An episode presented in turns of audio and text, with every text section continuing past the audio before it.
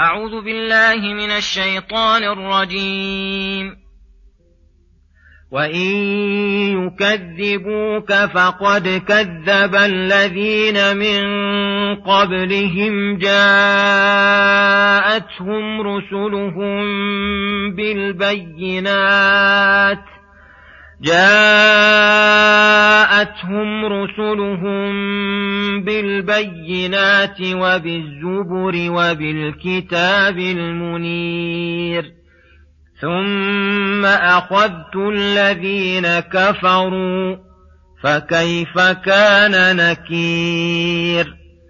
ألم تر أن الله أنزل من السماء ماء فأخرجنا به ثمرات مختلفا ألوانها ومن الجبال جدد بيض وحمر مختلف ألوانها وغرابيب سود ومن الناس والدواب والأنعام مختلف ألوانه كذلك إنما يخشى الله من عباده العلماء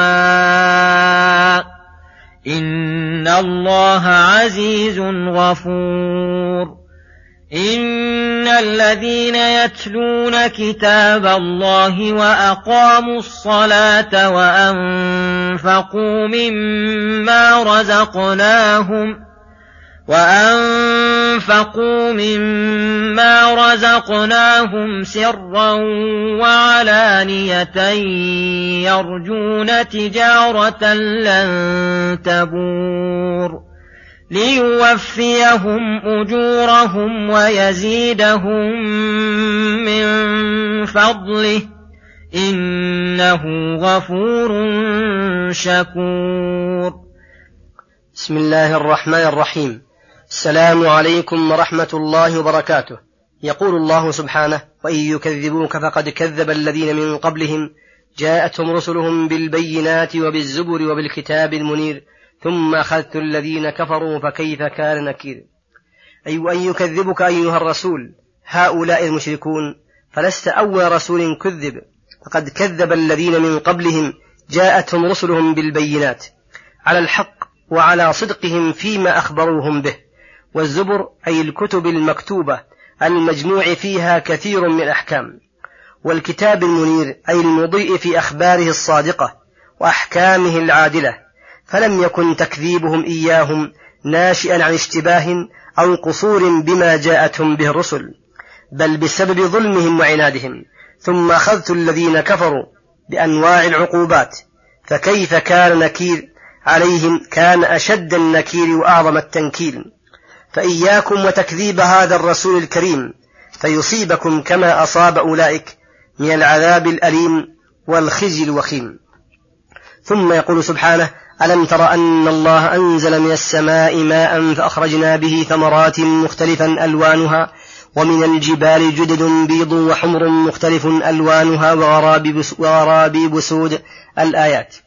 يذكر تعالى خلقه للأشياء والمتضادات التي أصلها واحد ومادتها واحدة وفيها من التفاوت والفرق ما هو مشاهد معروف ليدل العباد على كمال قدرته وبديع حكمته.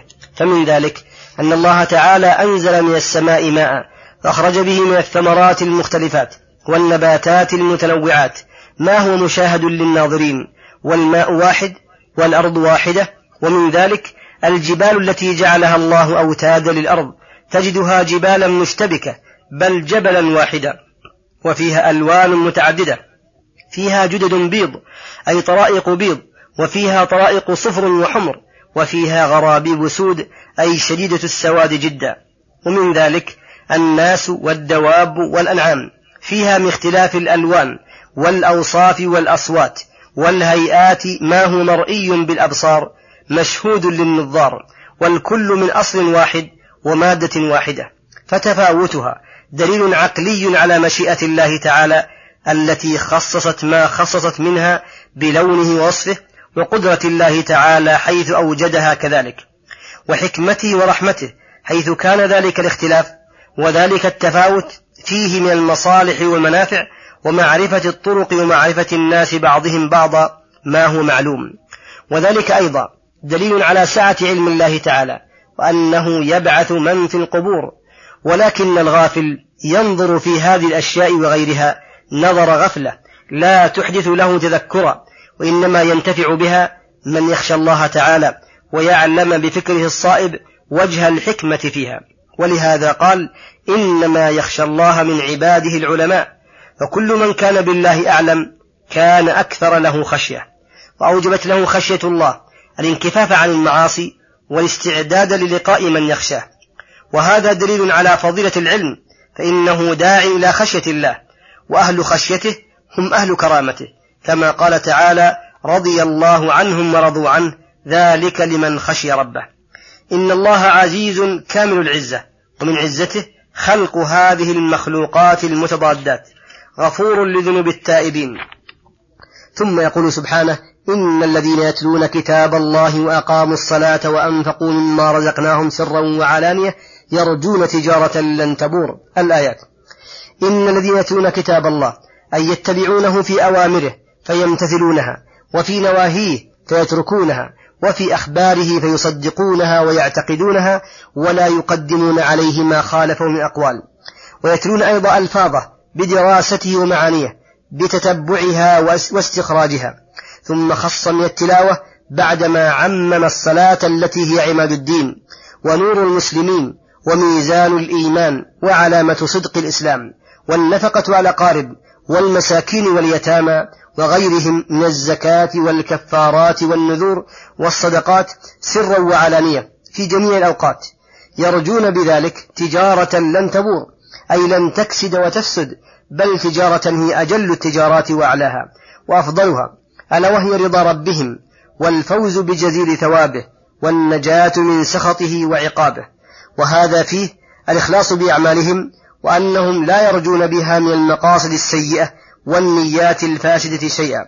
وذكر أنهم حصل لهم ما رجوه فقال ليوفيهم أجورهم. أي أجور أعمالهم وعلى حسب قلتها وكثرتها وحسنها وعدمه ويزيدهم من فضله زيادة عن أجورهم. إنه غفور شكور غفر لهم السيئات وقبل منهم القليل من الحسنات. وصلى الله وسلم على نبينا محمد وعلى آله وصحبه أجمعين. وإلى الحلقة القادمة غدا إن شاء الله. والسلام عليكم ورحمة الله وبركاته.